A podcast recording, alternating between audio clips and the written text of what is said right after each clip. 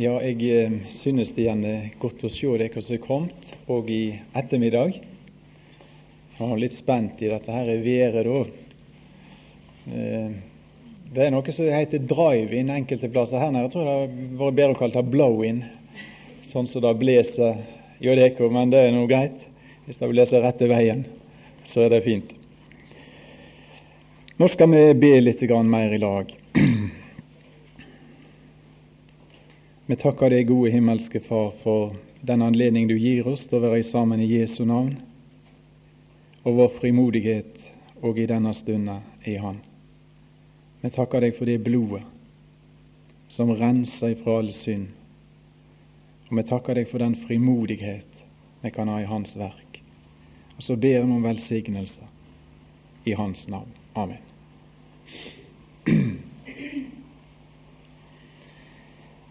Vi leste i går kveld eh, fra apostelgjerningene 9, og vi tar de to første versene der i dag igjen som et utgangspunkt for det vi deler i lag.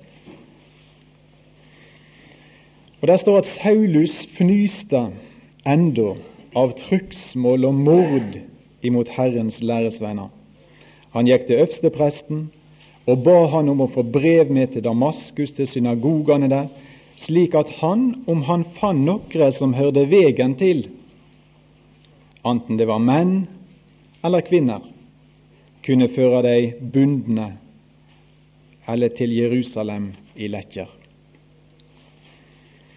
Og Det uttrykket som jeg tok litt fram i går kveld, det er dette nokre som høyrde vegen til noe som hørte vegen til.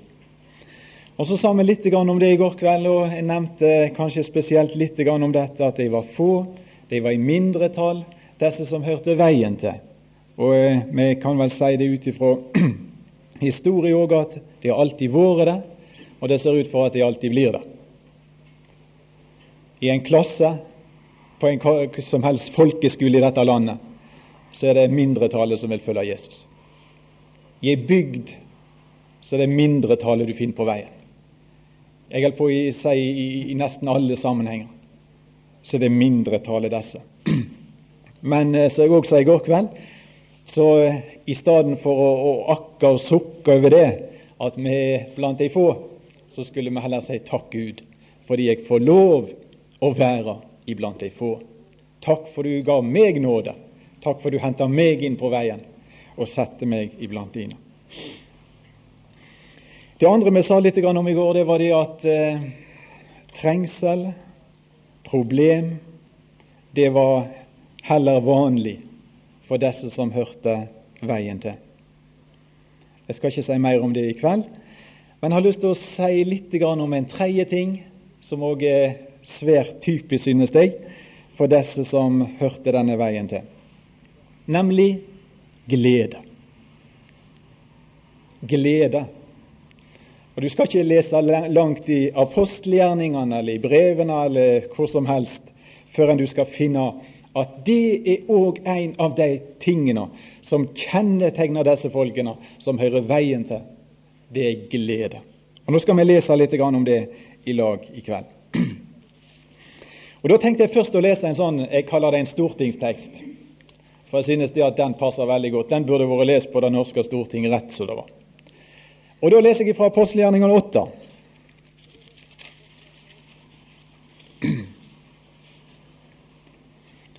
Han kunne forresten vært lest i NRK òg.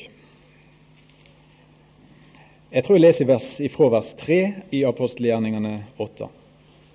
Og Der står det om denne Saulus igjen. Han herja kirkelyen han trengte seg inn i hus etter hus og drog ut både menn og kvinner og fikk de kasta i fengsel. Det er en nådeløs mann. Og Hvis vi hadde hatt et videoopptak av Paulus eller Saulus når han herja så det verste, så var det ikke lett, hvis vi ikke visste det, å vite at dette er et redskap som Gud har utvalgt ifra lenge, jeg holdt på å si før han var født. Dette er en som Gud skal ha tak i og bruke.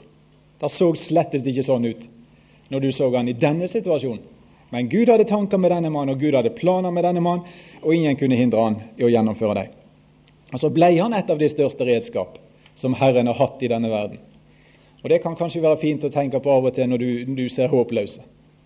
Og Så rister du på hodet ditt og Nei, det nytter med mange andre, men ikke med deg. Tenk på den der brutale, nådeløse fyren som gikk og herja med Guds folk, og som tenkte mord. Ikke bare slag, litt motstand, men han tenkte mord. Ta livet av det. Dette er en som Herren har tenkt store ting med. Vel, så står det at de som nå hadde blitt spredde, og kanskje Satans taktikk var vi sprer dem, så slokner de. Hvis vi får de kristne spredd utover, så blir de mindre farlige.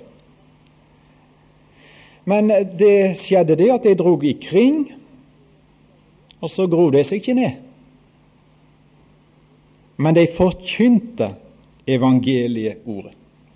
Og disse ildfaklene ble ikke sløkt om de ble spredd, men de tente nye bål overalt.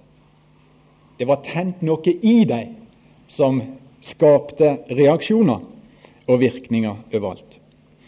Og Så står det at Philip kom da ned til en by i Samaria og forkynte Kristus for dem. Og Samaritanerne vet du, det var det verste en jøde visste. Men nå har han fått noe som er så godt at til og med disse verste av alle må få del i det. Da har det skjedd litt forandring. De verste, disse som er verre enn hunder, de må òg få dette her. Da er det et hjerte som er, er skjedd noe med. Å forkynte Kristus det er det beste han hadde, og det gir han deg. Han sparer ikke. Og så står det de gav alle akt på det som Philip sa, da de hørte og så de teikene han gjorde. For det var mange som hadde ureine ånder, og det synes nesten å være typisk for Samaria at eh, de vonde ånder hadde et senter, nærmest, og at Satan hadde mye makt på, i, i, dette området. Og Nå kommer en sånn åndskonfrontasjon. Ånder tørner sammen.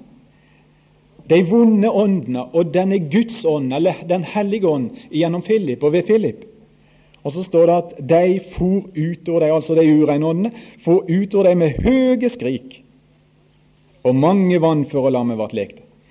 Så her får vi en manifestasjon av den sterkeste åndskraft.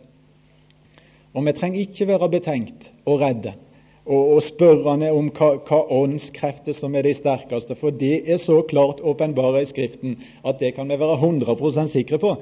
Og det er Guds ånd, og det er Den hellige ånd, som gjør at de ureine åndene må fly, og de flyr med høye skrik. Vel, så står det i vers 8 og det er dette her jeg ville lese på Stortinget, vet du. For inne på det der eh, huset der, og i dette landet her, i mange andre sammenhenger òg, så tror jeg det at hvis dette med kristendom og dette med Jesus skal få komme inn, da er det verdt av bare sorgen. Og det er verdt ei sånn klam hånd. Og det liksom trykker folk ned, og det, det ødelegger. Det er det fæleste av alt fælt. Det er dette her med Jesus. Ja, vi tar dem med en tur til Samaria. Nå skal vi ta dere med til en, en plass der det, det var voldsomt positiv respons. Der alle reagerer på den måten at 'ja, dette tar vi imot'. Hvor ble det da? Så kunne vi jo ta en sammenligning med Oslo en lørdagskveld. Gått litt rundt i gatene i Oslo og se hvordan det er når, når disse tingene liksom er hysja vekk. Når de eh, har sluppet synden løs og sier 'ja, vi vil synde', så kunne vi sett om resultatet ble det samme. Ja, hvor ble det i Samaria? Det var stor glede der i byen. Hadde ikke Det norske storting hatt godt av en tur på en sånn plass? Og registrert hvordan et folk blir, og hva som skjer når evangeliet blir mottatt. Det synes jeg sannelig. Hvorfor er folk så redd for det her? For det er jo det de er mest av alt redd for, ser det ut for i dette landet etter hvert. Kristendom i skoler, kristendom i barnehager, kristendom i samfunnet osv. Det er fryktelig farlige greier. Men her så det slapp til, og her så folk gav det anledning, her ble det stor glede. Og Hvis vi hadde kommet en tur til Samaria, så hadde vi sett masse glade folk. Ikke fordi at de hadde vunnet i et lotteri eller fordi at liksom masse medgang i liv, men fordi at evangeliet hadde gjort en gjerning i hjertene deres. Stor glede der i byen. Og dette er typisk for deg på veien. Altså Nå er de liksom løfta opp på veien, og så fryder de seg. Men det må, vi må si litt mer om denne gleda. fordi jeg har i hvert fall funnet ut at denne gleda her, det er ikke ei sånn glede som verden gir og har. Men det er ei annerledes glede. Og det er ei kvalitetsglede i aller sterkeste betydning av dette ordet. Og Det har jeg lyst til å bruke et par bibelvers på å belyse litt. Ei kvalitetsglede har disse folkene som hører veien til. Første Tessalonika-brev 1,6.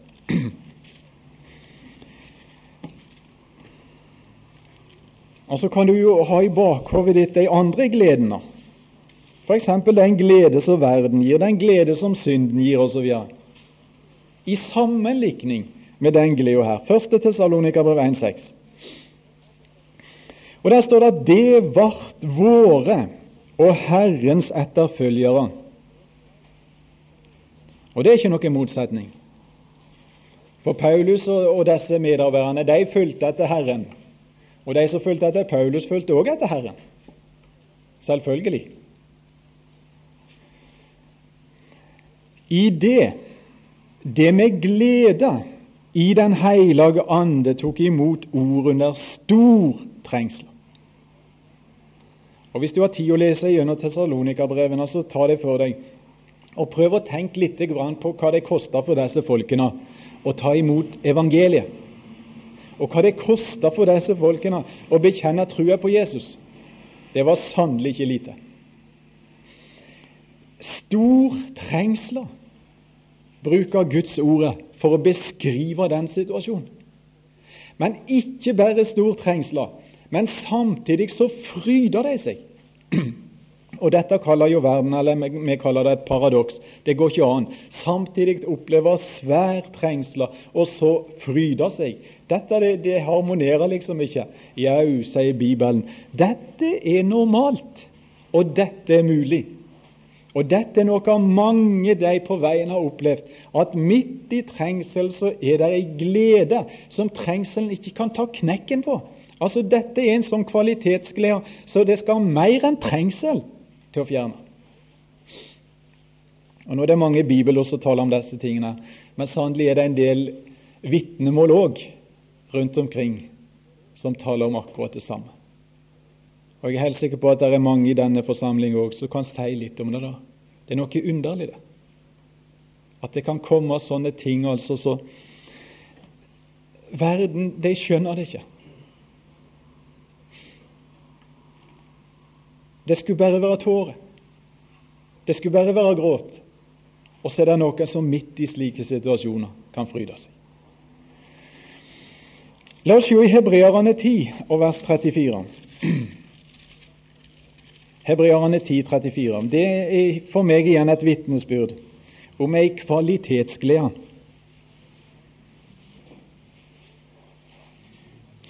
For også fangene hadde det medynk med, og det fant dykk med glede i. Og her er noe helt unormalt. At egne lutene eller eiendommene deres ble røva ifra dere. Hva glede er det? Som helt, når tingene dine blir tatt ifra deg. Ja, det er ikke, det er ikke flertallet i Norge som kjenner den gleda. For det som flertallet i Norge i dag opplever, det er at gleda det er knytta til ting. Og når de mister tingene, så mister de gleda òg. Men i hebreerforsamlingen der opplevde de at fordi at de bekjente trua på Jesus, så ble tingene deres, eiendommene der, tatt ifra dem. Men de kunne ikke slukke gleda deres av den grunn. Og så kunne de fryde seg fordi de visste. Og hva visste de? Ja, vi har en bedre eiendom. ta tingene, ta eiendommene i denne verden, men vi har noe de ikke kan ta. Og så var det grunn til glede. Og i den situasjonen er ikke det kvalitetsglede, folk. Når du kan miste tingene, eiendommene, og så likevel fryde deg i de tingene du aldri kan miste. Fordi de hadde en bedre eiendom som vare, som vare, som vare, som vare ved.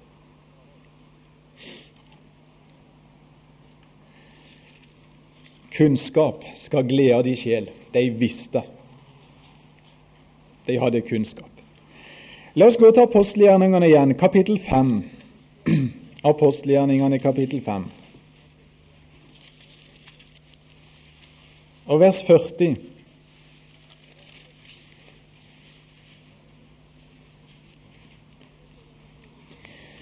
Og Der står det at de hørte på rådet hans, Gamaliel.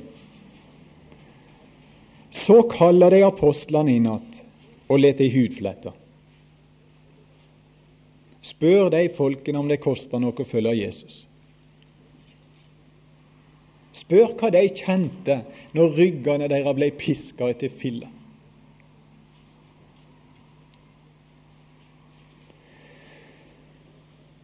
De forbød de å tale i Jesu navn, og lot de så gå. De gikk da bort fra rådet, glade. Jeg syns det er sterkt. Glade over at de var akta verdige til å verta vanæra for navnets skyld, Jesu navn. Vanæra, piskeslag, kunne ikke ta gleda ifra dem. Og så fryder de seg over vanæra.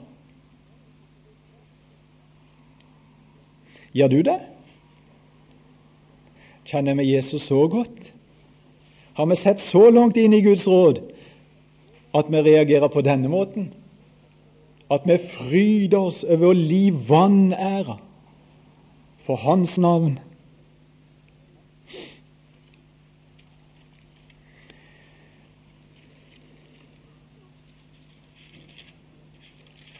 Du finner det samme i apostelgjerningene 16.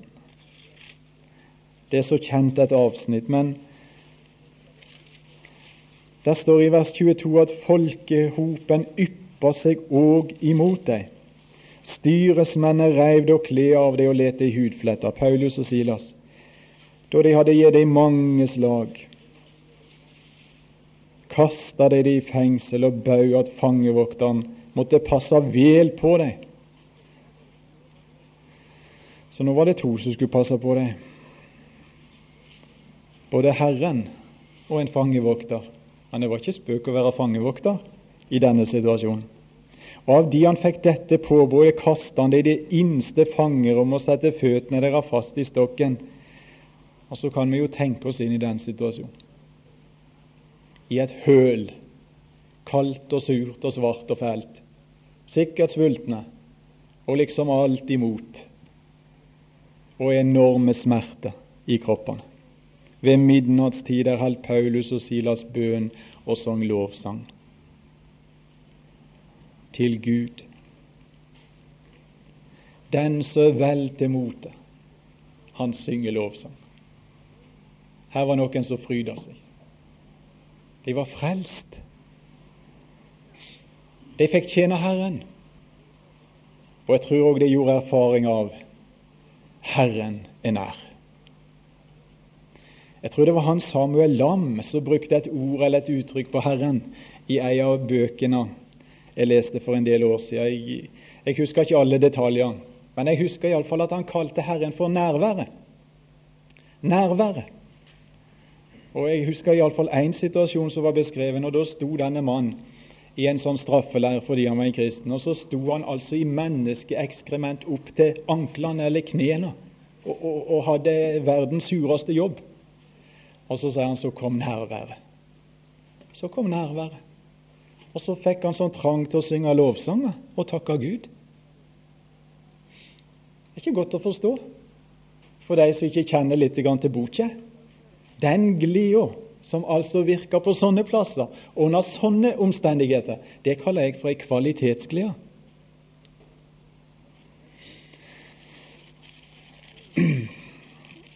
Apostelgjerningene 13. Jeg tror det står litt der òg om de på veien, de som hørte veien til. Og så leser vi fra vers 50. Men jødene fikk hissa opp de fornemme kvinnene som helse til jødetrua. Apostelgjerningene 13 fra vers 50. Og de fremste mennene i byen. Og de fikk i stand ei forfølging mot Paulus og Barnabas, og dreiv de bort fra bygdene sine.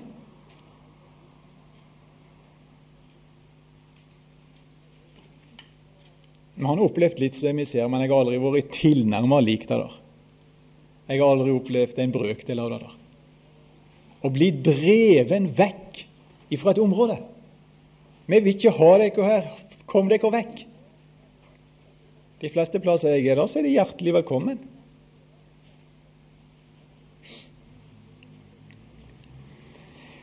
De ristet da støvet av føttene sine mot det og drog til Ikonium. Og så står det Men læresvennene ble fylt av glede og Den hellige ande. Kan du tenke deg for en rapport å skrive? Hvis du skulle skrive en rapport om denne her, eh, eh, virksomheten Nei, de jagde oss vekk. De vil ikke ha oss. Det var ikke mye å skryte av av resultat. Men de ble fylt av glede og Den hellige ande. Når alt går imot, når vi har null resultat å vise til, når folk ikke vil ha deg, eller når de helst vil ta knekken på deg da er det kvalitetsglede, ei slik glede, som disse her gjør erfaringer. De hørte veien til, og Herren fyller dem med glede. Det synes jo ut som at Peter han har litt problem når han skal beskrive den gleden der. I 1. Peter 1,8 så sier han det slik. 1. Peter 1,8. Han elsker det, skriver Peter. Han elsker det enda de ikke har kjent han. Han tror det på enda det nå ikke ser han. Ja, det var det han sa. Tru på meg og tru på Gud. Og Så gikk han til Golgata. Og Så hang han på korset, og så hadde de glemt alt av det. Så så alt ut for å ramle i grus for dem. Og hele liksom dette opplegget med Jesus så ut til å være en fiasko. Ja, men hva hadde han sagt til deg? Tru på Gud og tru på meg. Tenk om de hadde, det hadde gjort. Da hadde de jo skjønt at dette det er Guds vei. Men så trodde de ikke på han da. For altså det så så, så fiasko ut alltid sammen. Og så kan vi si det var dumt gjort av det, men du og jeg vi er akkurat likedan så mange ganger. Og så glemmer vi å ha tillit til Han når vi ikke liksom ser og forstår og kan erfare.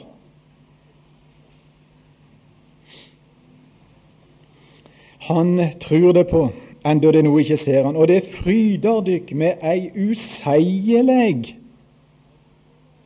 og herliggjort glede. Hør da uttrykket 'ei useielig glede'. Det er ikke spøk å få det å tale over, f.eks., som et tema tema preik over ei useielig glede. Det går ikke an å si det. Det går ikke an å beskrive denne skikkelig med ord. Den er useielig. Og den er herliggjort, sier Peter. Altså det er noe over denne verden. Det har noe med herlighet å gjøre, den gleda. Ei useielig og herliggjort glede. Jeg har fått meg tak i et sånt svensk Nytestamente som jeg syns det er litt interessant å lese i. Det er forresten oversatt fra amerikansk. Og Der står 'ubeskrivelig' jublende og himmelsk glede. Ubeskrivelig, jublende og himmelsk glede.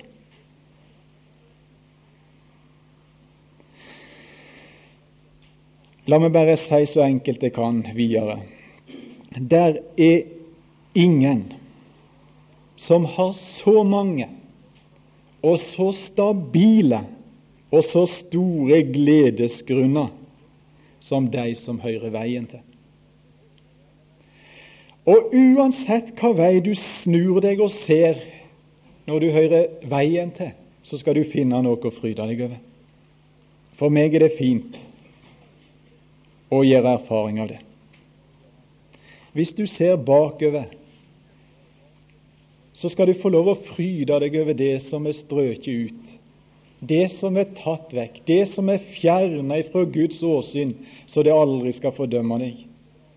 Hvis du ser framover, så har du jo så mye å fryde deg over at det, det, det går over alt vet. Jeg veit forresten ikke om jeg ser nok framover.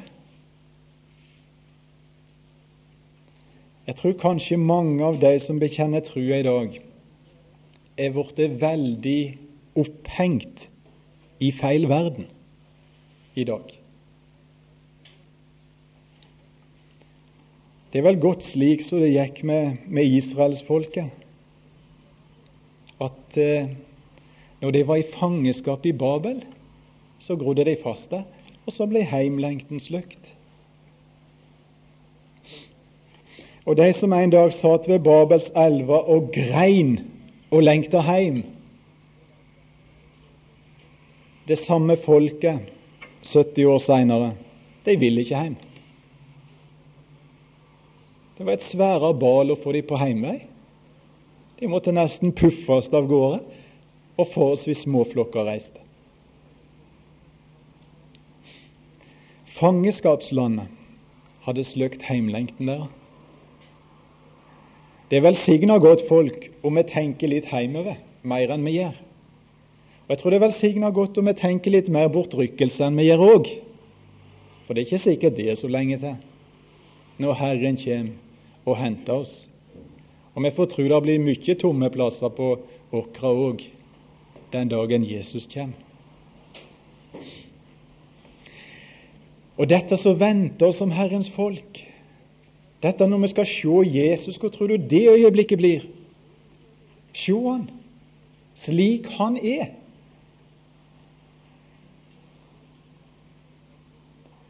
Og vært han lik. Og Når du vet litt om hvor du sjøl er, og kjenner litt av stoffet i deg, og veit at det er altså fremdeles noe sånne ugudelige greier her som du aldri får skikk på, da kan du iallfall fryde deg med tanke på det som blir, når du ser Herren. Og så er jeg helt sikker på at det blir voldsomt fint i den himmelske verden.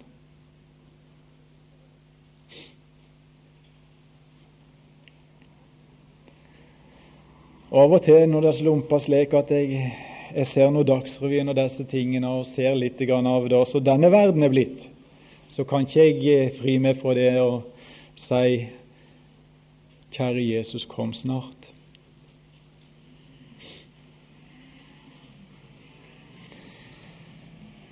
Og ser du rundt deg, så skal du finne mange ting å fryde deg over òg. Det her i denne forsamling har masse å fryde deg over. av en annen kar så ba slik litt lenger nord i landet. Takk Gud for at vi er flere enn null. Ja, takker vi for det.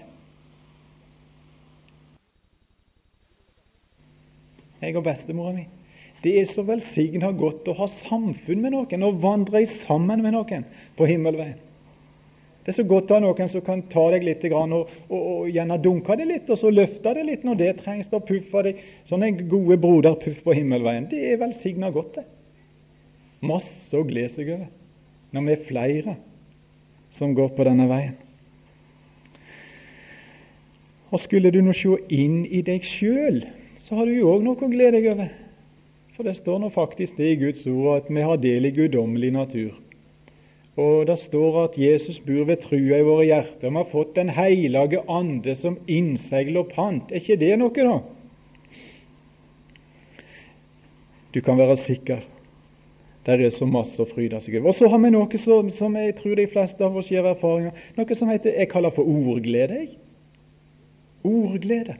Det å lese i denne boka, så tar Den hellige ånd så løfter han et ord inn i tankene dine. Eller jeg kan på å si, bretter det ut for deg på en slik måte at det, gir glede i din sjel, i din tanke.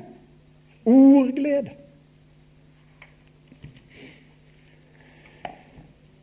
I Filippa-brevet så, så, møter dette ordet oss veldig ofte. Det er glede, og det er i forskjellige sammenhenger. Det står f.eks. om glede ved å li.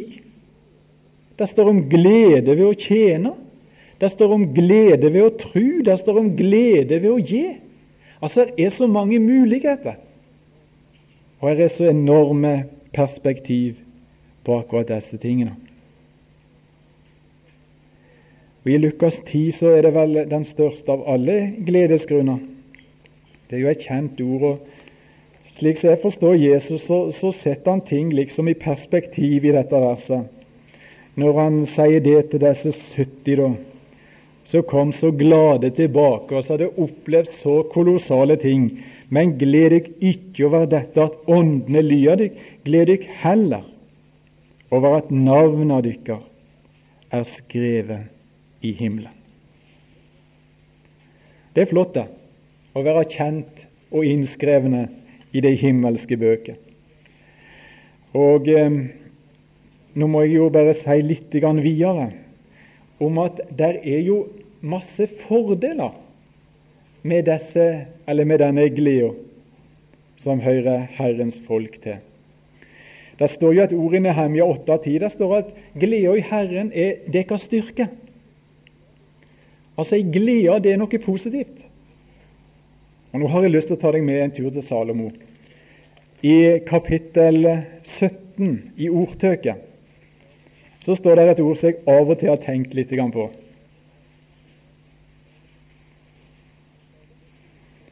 Salomos ordtøk i kapittel 17 og vers 22. Det står at 'et glad lynt hjerte' står det der nede i nynorskbibelen min. Jeg tror det står 'et glad hjerte'. Står ikke det på bokmål? Jeg tror det. Ja. Et glad hjerte gjev god lekedom, men motløysa tek margen og beina. Et glad hjerte gir god lekedom. Jeg har tenkt på det ordet av og til når jeg har vært på leir. Og da er det noen spesielle leirer som jeg av og til er på. Jeg vet ikke akkurat hvorfor, men jeg er altså av og til på eldreleir. Eh, jeg tror ikke det har bare med alder å gjøre, men jeg, jeg har nå iallfall havna der i en god del år. Og så fortell disse eldre på eldreleir hva det betyr for deg å komme på en sånn leir. Og så sier noen av dem at det er høydepunktet i året for meg. Og så har de liksom blinka ut denne datoen eller den lille uka som de er på eldreleir, og så har de det å se fram til hele vinteren. Og så er det ei glede for dem å tenke framover. Altså det er ei glede i hjertet deres med tanke på denne leiren, som gjør at vinteren på en måte blir lettere for dem. De har noe kjekt å se fram til. Dette er på det naturlige området. Og Jeg tror faktisk vi kjenner litt til det. Hvis du har altså et eller annet høydepunkt, noe der framme som du gleder deg til, så går du litt annerledes fram imot den dagen eller den hendelsen enn hvis hele veien er akkurat lik. Hvis du har noe å glede deg til der framme, så blir det en litt sånn annen holdning når du vandrer imot disse tingene. På det naturlige området er det slik. Men jeg tror også på det åndelige området er det slik. Hvis du lar disse tingene som Jesus har gjort for deg, få leve i hjertet ditt, og hvis du lar tankene dine gå til disse tingene, så hjertet ditt blir glad åndelig, så blir det en annen driv, en annen vandring, en annen holdning enn hvis vi går og, og liksom sukker og akker og alt er, er, bare sorgen, og blir opptatt med feil ting osv. Da blir det helt sånn man motløser, tar margen og beina. Du går annerledes da, når du mangler marg i beina, enn når hjertet ditt er glad. Og Jeg tror det er noen sånne nøkler her og noen sånne prinsipp som jeg tror er litt viktige for oss å ha med.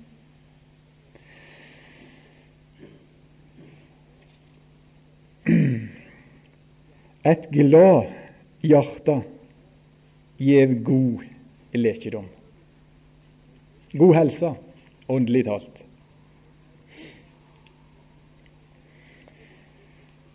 Nå har jeg lyst til mot slutten å bare ta med et par bibelord til. Jeg har ei jente som sier da at du pappa, du sier du skal slutte, og så preiker du en halvtime til. Og det gjør du mange ganger. Nå skal jeg iallfall lese fra Salme 4 og vers 8.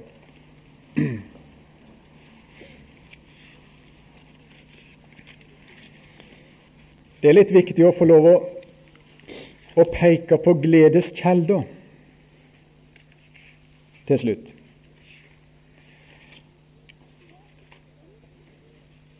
Det var en periode jeg husker i enkelte musikkor eller ungdomskor som skulle stille opp, så ble det sagt Jeg hørte flere ganger det ble sagt nå må de huske å smile når de synger.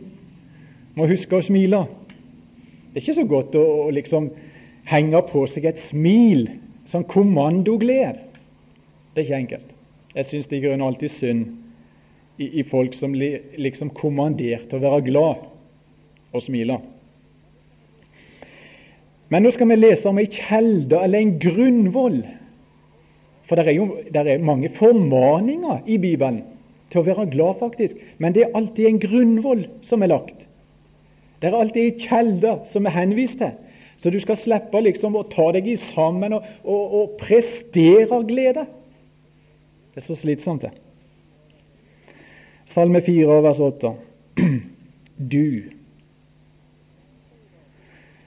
Du, sier David, har gjeve meg glede i mitt hjerte. Og Så begynner han å se rundt seg og sammenligne. Større enn den de andre har når de har korn og druesaft i mengd. Da har det gått godt. Da er det gode avlinger. Da er det et veldig godt år. Da fryder det seg. Men du, Herre, du har gitt meg større, og vi kunne sikkert si annerledes og bedre glede enn disse som opplever det slik på det materielle området. Du der er kjelda.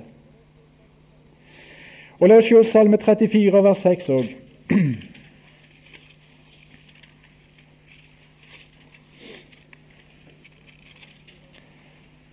Trettifire og 6. De så opp til Han. De så opp til Han og stråla av glede. Var det så enkelt? Ja, det var det.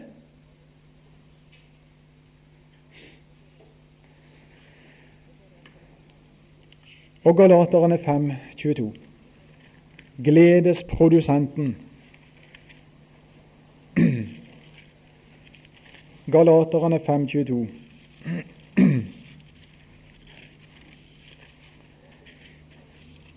Og Der står det slik Men Andens frukt Andens frukt. Altså her produserer Den hellige ande frukt. Og så står det hva det er. Er kjærleik, glede. Så når Den hellige ande får gjøre sin gjerning i våre hjerter slik han vil, så produserer den glede. Og Da er det vel òg nærliggende å si med apostelen Paulus, slik det står i Efeserbrevet 5 og vers 18 Jeg tror det er en enormt viktig formaning til Guds folk. Vært stadig vedvarende fylt med Den hellige ande. Hvert fylt av Ånden. Drikk. Ta det inn. Vært fylt. Det er snakk om en prosess. Og det er snakk om å leve med Jesus. Det er snakk om å leve med Gud. Vært fylte med Anden.